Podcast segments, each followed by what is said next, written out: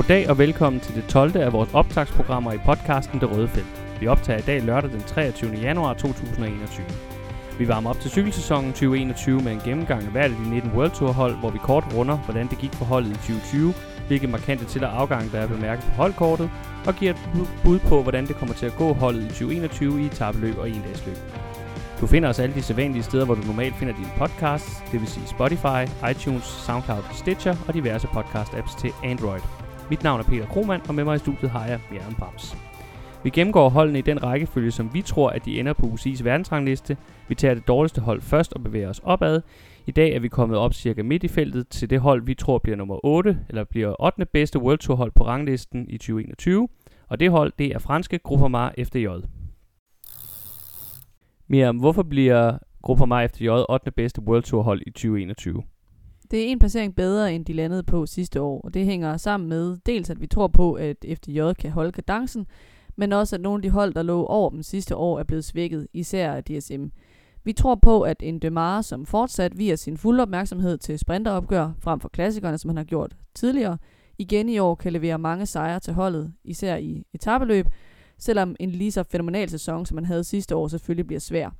I etabeløbene blev det sidste år til en placering i den tunge ende af top 10 i Vueltaen og et par fine placeringer i ugetabeløb, som det bør være muligt for holdet at følge op på.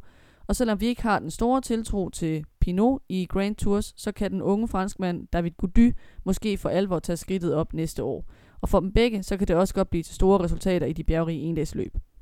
Yes, og det er alt sammen noget, vi taler mere om senere, men først så vil vi kigge lidt på Groupama FDJ's historie. Historien om Groupama FDJ begynder i 1997, hvor den tidligere franske toprytter Marc Maggio, der selv havde stoppet karrieren efter 1994-sæsonen, besluttede sig for at starte et professionelt cykelhold. Han fik det nationale franske lotteri Le Franchise de Jeux med på vognen som hovedsponsor, og denne alliance mellem den temperamentsfulde Maggio og lotterivirksomheden har holdt lige siden. I 2018 kom forsikringsselskabet Groupama så også med som partner i projektet, hvilket gjorde holdet, der altid har kørt på et af cykelelitens mindste budgetter, mere økonomisk robust. Det har været en del af World Touren og Pro Touren før det siden 2005, og det har haft en lidt parallel historie med de evige rivaler fra AG2R, hvor de også er gået fra at være et hold, der jagtede etaper og enkelte sejre, til at blive et klassementsorienteret hold efter Thibaut Pinots fremkomst. De seneste sæsoner har holdets prioriteringer primært været delt mellem førnævnte Pinot og så sprinteren Arnaud Demare. Hvordan gik det så i 2020?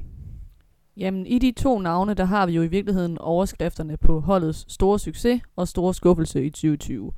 Hvis vi starter med succesen, så havde Demare jo som sagt en fantomsæson med fire etappesejre i Giro d'Italia, hvor han også vandt på pointkonkurrencen, den her cyklamenfarvede pointtrøje, der sådan svarer til den grønne trøje i Tour de France. Han vandt også Vallonien rundt samlet, hvor han tog to etappesejre, og på pointkonkurrencen, han støvsugede det franske etabeløb Poitou-Charentes med en sejr på tre ud af løbets fem etapper, den samlede sejr og sejr i pointkonkurrencen. Han blev fransk mester, han blev nummer to til EM, han vandt Milano Torino på en fladere rute end vanligt, men stadigvæk, han har virkelig, virkelig haft en god sæson i 2020. Men som du siger, så var Pinot så overskriften på holdets skuffelse i 2020. Alt var jo lagt an på Tour de France, som skulle være den store succes og den store prioritering for ham. Men han styrtede på første etape efter igen at have placeret sig dumt i feltet, og derfra lignede han en skygge af sig selv. Men lige inden da, der havde han jo faktisk øh, fået en anden plads i Dauphiné Libéré. Ja, og jeg synes egentlig, når man sådan ser det retrospektivt, så kan man ikke lade være med at tænke på, om de to ting faktisk hang sammen. Selvfølgelig så kørte han også dårligt i Tour de France på grund af øh, styrtet, og han havde, han havde vist ondt i ryggen, tror jeg. Øh, men det havde været et utrolig hårdt Dauphiné, der blev kørt. Jeg kan huske efter løbet forud for turen, der snakkede vi om, om der måske var nogen af rytterne, der var kommet til at køre ud over deres grænser. Det kom som et af de første etabeløb oven på den lange coronanedlukning. Så alle rytterne var jo nok meget ivrige efter øh, virkelig at komme ud over stepperne og køre sig i form. Øh, men her er der måske nogen, der lige er gået et skridt videre, end de skulle have gjort. Her tænker jeg især på øh, Dani Martinez, som endte med at vinde løbet men som virkelig var i tårne på sidste etape, hvor han blev sat og måtte kæmpe for at, øh, at hive sin øh, samlede sejr hjem. Og så på Pinot, som egentlig forud for den sidste etape havde sejren inden for rækkevidde, men gik totalt ned på sidste dag, øh, også langt mere end, øh, end den ellers også pressede Martinez gjorde. Ja, og her var det jo som om, at hans evige spøgelse øh, i form af præstationsangst, det igen spillede ham et pus. Ja, altså vi så ham jo sidde på etappen og ligesom skælde ud på sig selv, nærmest råbe af sig selv, mens han kørte på cyklen. Så et øjeblik, der sad han og hang ud over styret, og det næste, der trampede han hisset i pedalerne for at prøve at komme op til gruppen foran ham. Han fik så også øh, slidt en anden plads hjem, men altså, der, der står alligevel tilbage, at det var et bittert nederlag på 29 sekunder i det samlede klassement, hvor han ellers havde øh, et af hjemlandets helt store etabeløb inden for rækkevidde. Øh, det reddede ham et flot podie, men vi kommer ikke udenom, at han tabte sejren på gulvet, og jeg tror også godt, at man kan sige, at det kom til at koste ham i Tour de France, fordi han simpelthen fik presset sig for langt ud over sine grænser rent fysisk. Til gengæld så havde øh, det unge øh, franske klassementstalent på holdet, David Gody, en god sæson, i hvert fald en godkendt sæson. Han skuffede lidt i Tour de France, hvor han udgik godt halvvejs i løbet, men han kom fint igen i Vueltaen, hvor det blev til en samlet 8. plads, og hvor han også tog to etappesejre med hjem. Og tidligt på sæsonen inden øh, coronanedlukningen, der blev han også nummer 4 i, øh, i ugeetappeløbet UAE Tour. Det var også en godkendt sæson for den svejtiske rytter Stefan Køng, øh, der havde et enkelt øh, halvstort resultat i form af en sejr ved øh, enkeltstarten øh, til EM. Og så havde han også flere flotte lige ved næsten resultater. Han blev nummer 3 i enkeltstarten til VM, han blev nummer 3 samlet i Bing Bang Tour, og nummer 5 igen Wevelgem. Uh, øh, man kunne måske godt have ønsket sig mere fra ham i klassikerne. Han er jo af nogen blevet sammenlignet med sin noget større landsmand Fabian Cancellara, øh, så, men øh, det var altså ikke i år, at han fik sit store gennembrud som klassikerrytter. Han blev så også øh, dobbelt national svejsisk mester, men øh, som svejser, der kan man jo diskutere, hvor meget man skal ligge i den slags. ja, det er ikke fordi konkurrencen er så stor i hvert fald. Øh, sidst kan vi også lige nævne, at øh, Ardenner-rytterne øh, Rudi Molar og øh, Madouas øh, fik skovlet nogle øh, point ind til, til ranglisten med en række sekundære placeringer, men vi må nok overordnet set sige, at Madua havde et skuffende år. Igen, fristes man til at sige. Han kører egentlig nogle hederlige resultater hjem. For eksempel blev han nummer 11 i Flash Vallon, og han blev også nummer 4 i Paris Tour. Men der har bare været virkelig store forventninger til den unge franskmand her i de kuperede endagsløb, siden han vandt en meget overraskende sejr i Paris Bourges i 2018. Og de forventninger har han ikke rigtig fået indfriet. Øh, faktisk er det ikke blevet til den eneste sejr siden, øh, der i efteråret i 2018.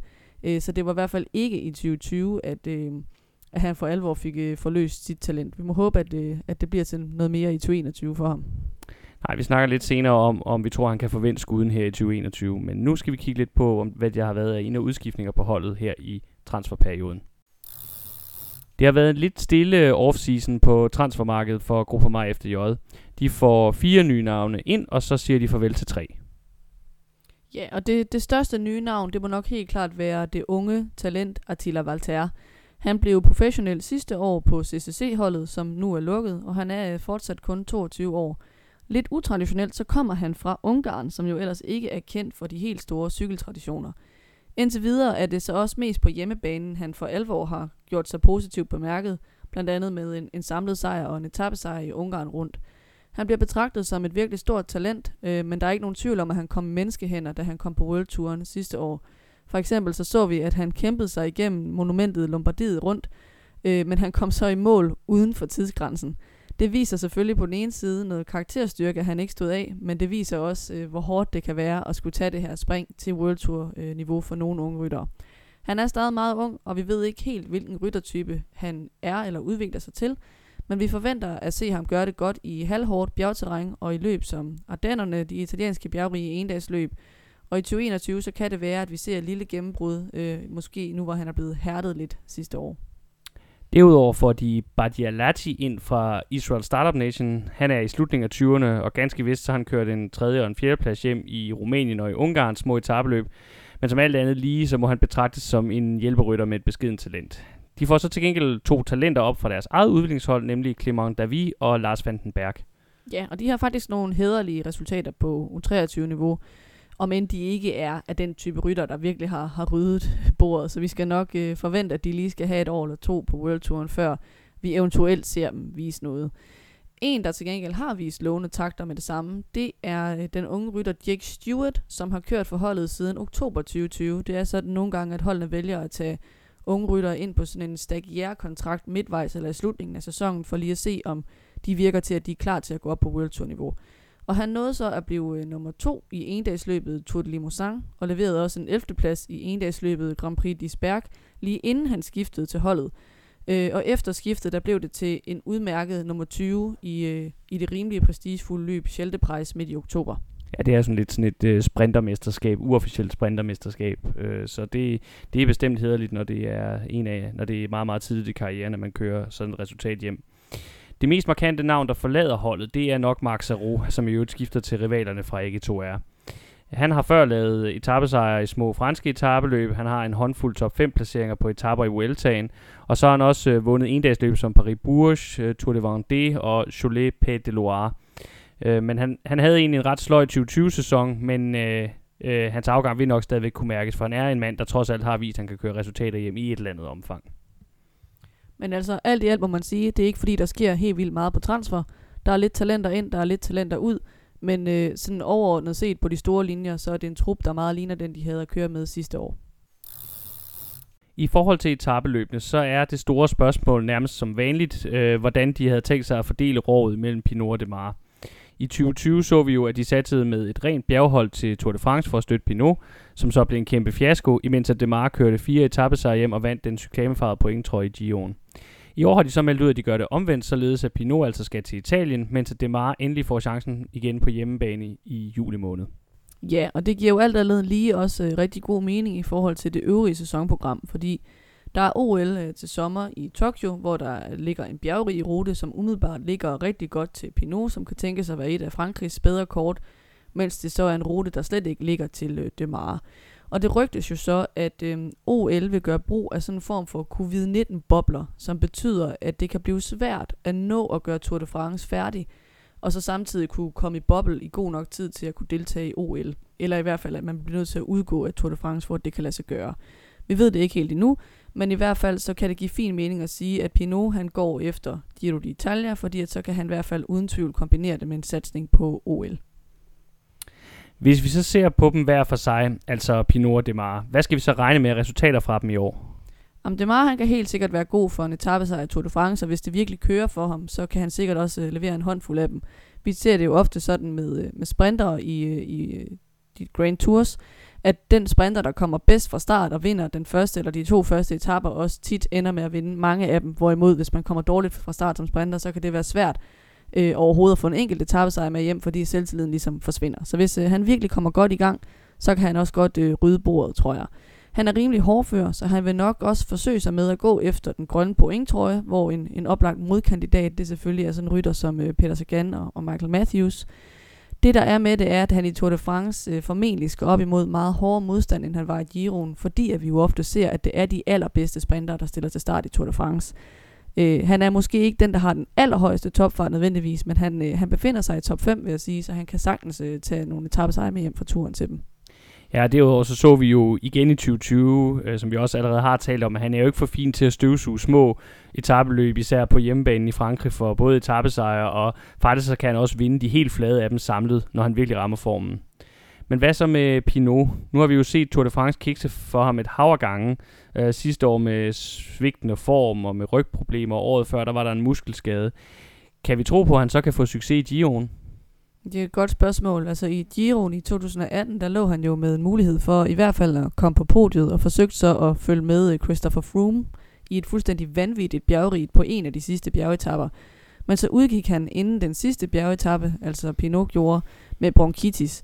Øh, det er selvfølgelig en form for, for sygdomsexit, men hvor man også lidt havde indtryk af, at den der bronkitis måske var kommet af, at han havde kørt over evne den dag, hvor han forsøgte at følge efter Froome i de høje bjerge. Sammen med fiaskoerne i Tour de France, så sidder man lidt tilbage med billedet af, at han simpelthen ikke, han ikke har hverken fysisk eller psykisk øh, styrken til at kunne holde til presset fra tre ugers Grand Tour. Så altså, jo, han kan måske godt køre en top 10 hjem i Giro d'Italia, men jeg gad da egentlig hellere se ham prøve at prioritere ugetabeløbene, øh, og se om han kunne køre nogle samlede sejre hjem der, eller endnu hellere endagsløbene, som vi skal tale om senere. Ja, det er jo øh, sjovt og også lidt trist på en eller anden måde. Det er, ved, det er et lidt samme sted for ham, som det er for hans øh, konkurrent Roman Bardet. Altså, at de har simpelthen ikke kunne slå til i turen, og, og måske er det i vildende endagsløbene, hvor de har deres øh, største chancer for succes fremover. Nej, jeg vil sige, at det er hårdt over for Bardet at sige, at han ikke kunne slå til i turen. Han har trods alt endet ind på podiet to gange. Ja, okay. Øh, hans karriere er måske lidt mere bare gået i stå, hvor man kan sige, med Pinot, har han aldrig rigtig kunne slå til, ud over øh, det år, hvor han meget overraskende i 2014 som totalt ukendt endte som, øh, som træer i Tour de France. Så er der jo også det andet franske etabløbshåb på holdet, nemlig David Gody. Og han har jo faktisk kørt som professionel siden 2016, selvom han kun er 24 år gammel. Ja, og han er måske i virkeligheden meget mere interessant at tale om i forhold til kabalen om Tour de France og OL. Fordi altså ligesom Pinot, så kunne han jo godt have et ønske om at tage med det franske landshold øh, til øh, den bjergrige OL-rute. Øhm, men hvis man skal vælge, så tror jeg egentlig, at man som en Gody kunne overveje at, at satse på Tour de France. Fordi at 2021, det kan virkelig være året, hvor han for første gang får mulighed for selv at være kaptajn i Tour de France, efter han igennem flere år har skulle køre luksushjælperytter for Pinot. Selvom hans egen form var dårlig i, i den franske rundtur sidste år, så synes jeg, at uh, tv-kameraet nogle gange fangede ham, hvor han ligesom sad og rystede på hovedet og kiggede over Pinot, som om at det undrede ham, hvorfor han skulle køre hjælper for ham år efter år, når han aldrig slår til. Så jeg tror, at det er en ung franskmand, som virkelig er topmotiveret for at selv at skulle have lov til at være kaptajn i bjergene. Han blev som nævnt nummer 8 i Vueltaen. Det kom så lidt på baggrund af, at han i forbindelse med sine to etappesejre øh, var kørt i udbrud, hvor han så hentede noget tabt tid hjem. Øhm, så spørgsmålet er, om det egentlig den 8. plads rent faktisk er udtryk for en stabilitet hen over tre uger. Øh, normalt vil jeg sige, at med det han har vist so far, så vil jeg nok maksimalt tro på en placering omkring nummer 10 i, øh, i et første Tour de France, hvor han skulle køre klassement. Men hvis mange bjergryttere tvinges til at vælge mellem OL og Tour de France, så kan vi jo komme til at se et svagere felt end vanligt til turen. Og så bliver 2021 måske året, hvor han for eksempel kan køre en, en top 5 i Tour de France. Han har også øh, før kørt top 5 og top 10 hjem i uetappeløb, så vi kan nok også godt forvente at se ham satse på for eksempel hjemlandets Paris-Nice tidligt på året, og så vil et løb som øh, Katalonien rundt i Spanien nok også ligge rigtig godt til ham, fordi at der typisk ikke er en enkelt start, som jo altså er, er noget, der godt kunne blive en udfordring for ham i forhold til at levere samlede resultater. Som vi tidligere har talt om, så fik uh, Attila Valter ikke vist så meget på, i sin første sæson på World Touren og sin første sæson som uh, professionel. Hans eneste sejr, det var en etappesejr og det samlede klassement på hjemmebane i Ungarn rundt. Og Ungarn rundt, det er vel at mærke et løb på det tredje højeste niveau, så det er jo det er begrænset, hvor imponerende det egentlig er. Men øh, han er kun 22, så der er masser af udviklingspotentiale i ham endnu. Og han fik vist lidt af talentet ved at køre rigtig flot på den sidste bjergetappe i Gion op til Sestriere, hvor han sluttede som nummer 9 på den etape. De har også øh, en spændende mand i Alexis Brunel. Han er stadig kun 22 og kom til holdet sidste år, hentet op for deres øh, eget udviklingshold. Han blev nummer 3 i Baby Giroen i 2019, Giro d'Italia for ungdomsryttere. Og så fulgte han op i 2020 med en godkendt, vil jeg sige, tredjeplads i det lille franske løb i Toile Bessèche. Han kan måske tage et lille skridt mere op næste år, for eksempel gå efter sejren eller podieplaceringer i de helt små franske etabeløb på hjemmebanen. Og så er det faktisk også relevant at nævne øh, Stefan Køng her. Uh, han uh, har jo en eminent god enkeltstart, og ofte har han faktisk kørt fine samlede placeringer hjem i etabløb på baggrund af det. Som nævnt blev han nummer 3 i Bing Bang Tour i 2020, og året før blev han nummer 8 i det samme løb, og nummer 3 i Slovakiet rundt. I år, altså 2021, kan man forestille sig, at han øh, primært vil satse på enkeltstarten ved OL. Det måske bliver hans helt store sæsonmål, og han har, skal nok også satse på enkeltstarten til VM igen. Men det er også mål, der ikke er uforeneligt med at øh, køre gode samlede placeringer hjem i etabeløb, hvor der er mange kuperede etaper, og så måske en enkeltstart eller en prolog, som han kan bygge videre på. Nu har vi jo snakket om tidligere, at øh, Demar skal prioritere massespurter frem for endagsløb i forhold til sådan sin sæsonplanlægning og i det hele taget sin prioritering som rytter. Men er han alligevel ikke det væsentligste navn at snakke om, når vi snakker øh, Francis Descheux, Gruppe efter J og øh, deres prioriteringer af klassikerne? Jeg ved ikke, om han er det væsentligste navn. Man kan i hvert fald sige, at øh, han har jo før forsøgt at køre øh, brostensklassikerne øh, i nogle sæsoner op til, til 2020-sæsonen. Men det endte, som vi har talt om, med at sætte ham tilbage i spurterne, og så så vi jo i 2020, at han havde stor succes med at gå tilbage til at, at fokusere på spurterne som sin primære ting. Så jeg tror egentlig ikke, at klassikerne skal være hans primære sæsonmål i 2021. På den anden side, så kan man sige, at det, det vil jo give fin mening at køre klassikerne sammen med turen i forhold til sæsonplanlægningen, fordi at det, det sådan, i forhold til formtop passer fint at køre begge dele. Så han kan sagtens give det et forsøg, men nok uden at det skal være hans primære ting. Et løb som øh, Milano Sanremo er helt klart oplagt for ham, øh, på grund af, at han har sådan en rimelig god holdbarhed for en sprinter, så han vil nok godt kunne komme med op over Podio, eller i hvert fald sidde godt nok med til at kunne indhente nogen, der var kørt væk øh, på Podio. Han har også øh, vundet netop Milano Sanremo tilbage i 2016, men der er så nogen, der mener, at øh, det var, der var lidt urent trav med der, fordi at, øh, der i hvert fald var nogen i feltet, der mente, de havde set ham ræse op af Podio med hånden i en bildør, Øh, men det blev ikke fanget øh, på video, så han, øh, han fik lov til at beholde sin sejr, om end der altid har været den her tvivl om, hvor fortjent den er. Jeg vil så sige, at jeg tror på, at han sagtens vil kunne vinde det løb øh, på ærlig vis. hvis han havde en god dag. Og udover det, så er der jo en lang række andre øh, endagsløb, som er meget flade. For eksempel Ekborn Frankfurt, Euro Ice Classic, London Surrey Classic, Scheldeprijs osv., som også er gode muligheder for en rytter som ham. Jeg tror faktisk, at øh, han var styrtet der inden øh, Poggio i den finale det år, hvor han så også vandt løbet. Og mm, de rytter, der ellers var styrtet, han var nemlig ikke den eneste, der havde været nede i det styrt, øh, de kom i hvert fald ind noget længere tilbage, så det er også derfor, at der, der har været sådan lidt øh, skepsis omkring, hvordan han kunne komme så hurtigt tilbage til feltet, når andre rytter, der også havde været i asfalten, slet ikke noget, noget med forreste gruppe ind til mål der. Så, øh, så det er, det er, der er lidt, øh, lidt spørgsmålstegn ved den sejr, men jeg er helt enig, han kan sagt, jeg tror også sagtens, han kan vinde det løb på ærlig vis. Vi ved jo, at han har en drøm om at gøre sig på brostenene, og ikke mindst øh, at køre rigtig godt i Paris-Roubaix, som hans holdchef og mentor Marc Maggio også har vundet, da han var aktiv cykelrytter. Det er hans helt store drøm at komme første års stregen på velodromen i Roubaix. Men vi tvivler vel lidt på, at det nogensinde kommer til at lykkes. Ja, i hvert fald må man sige, at hans bedste placering i det løb, det er en 6. plads tilbage i 2017, som er en af de sæsoner, hvor han virkelig gik benhårdt efter det. Det er selvfølgelig en mere end hædelig placering, men det er nok omvendt ikke noget, som det ligesom giver mening at sige, at det skal man ofre sin topfart for at jagte. Øh, jeg vil til gengæld ikke udelukke ham øh, til et løb som for eksempel Gent Wevelgem, hvor han tidligere er blevet både nummer 2, nummer 3 og nummer 5. Til gengæld så synes jeg, at noget, der virker helt uden for rækkevidde, det er de kuperede brostensløb. Øh, hans bedste resultat i Flandern rundt er en 15. plads fra 2018, og han er også øh, blevet nummer 9 i omløb. Så altså, jeg vil helt klart hellere se ham sats på sprinteropgørende i tabløbene, og så på de flade sprinterklassikere. Også i forhold til endagsløbene, så er Stefan Køng her en relevant rytter at nævne. Ja, som tidligere nævnt, kunne man godt have håbet på, at han havde vist mere i klassikerne indtil nu. For man sidder med fornemmelsen af, at han har holdbarheden og motoren til at kunne køre store sejre hjem, også i det hårde flamske terræn. Han har en 11. plads i Paris-Roubaix og en 16. plads i Flandern rundt som sine bedste resultater i de to store brostensmonumenter. Og jeg tror egentlig på, at han kan gøre det bedre, og en top 5 i et af de helt store løb er bestemt ikke uden for rækkevidde.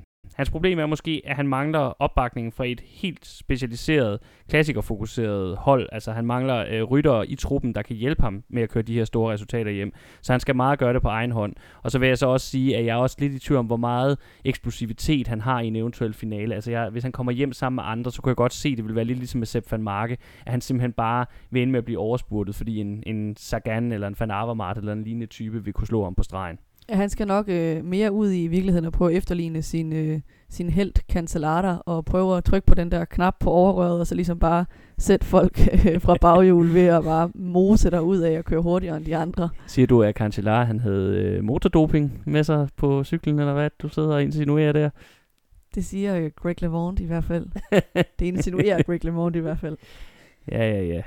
Greg han er en god mand, men han ser også spøgelser en gang imellem. Nå, vi skal også snakke lidt om Ardennerne. Hvad, hvad, hvad kan vi forvente at se fra dem der? Om der er det nok øh, Valentin Madouer og så David Gody, som vi allerede har talt om, som holdet skal hænge sin hat på. Øh, Madouer har som sagt haft svært ved at indfri de store forventninger, der har været til ham, men han har trods alt nogle placeringer i top 10, som viser, at han godt kan være med i grupperet endagsløb. Sidste år, der så vi ham også køre en 14. plads hjem i Flandern rundt, så han er helt klart ikke uden evner, og han har også en okay alsidighed i forhold til at køre lidt forskellige endagsløb. Han kører rigtig flot opad også. Han blev nummer 10 i den her Vangtu Challenge, vi har talt om, som slutter på toppen af Mont Ventoux. Og han blev også nummer 13 i Giro d'Italia i 2019.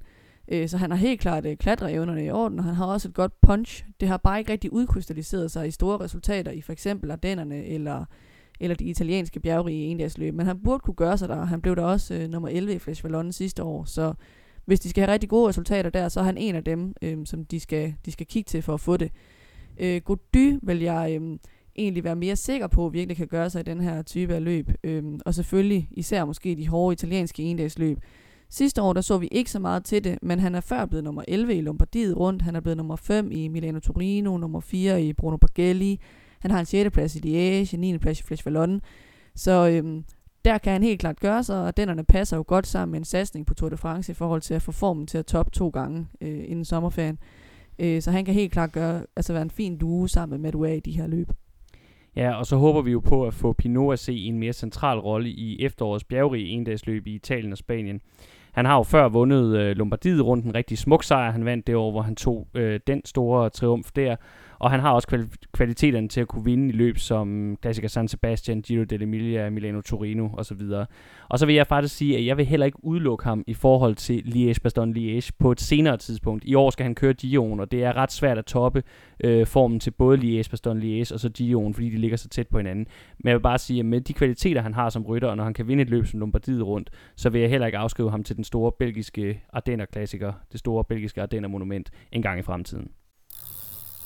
Der er endnu engang ikke sket de store forandringer hos Major Company, og derfor bliver prioriteringerne for sæsonen 2021 også de sædvanlige, og men at det i år bliver med en fordeling, hvor Demar er øverst i hierarkiet, mens Pinot må nøjes med at spille anden violin.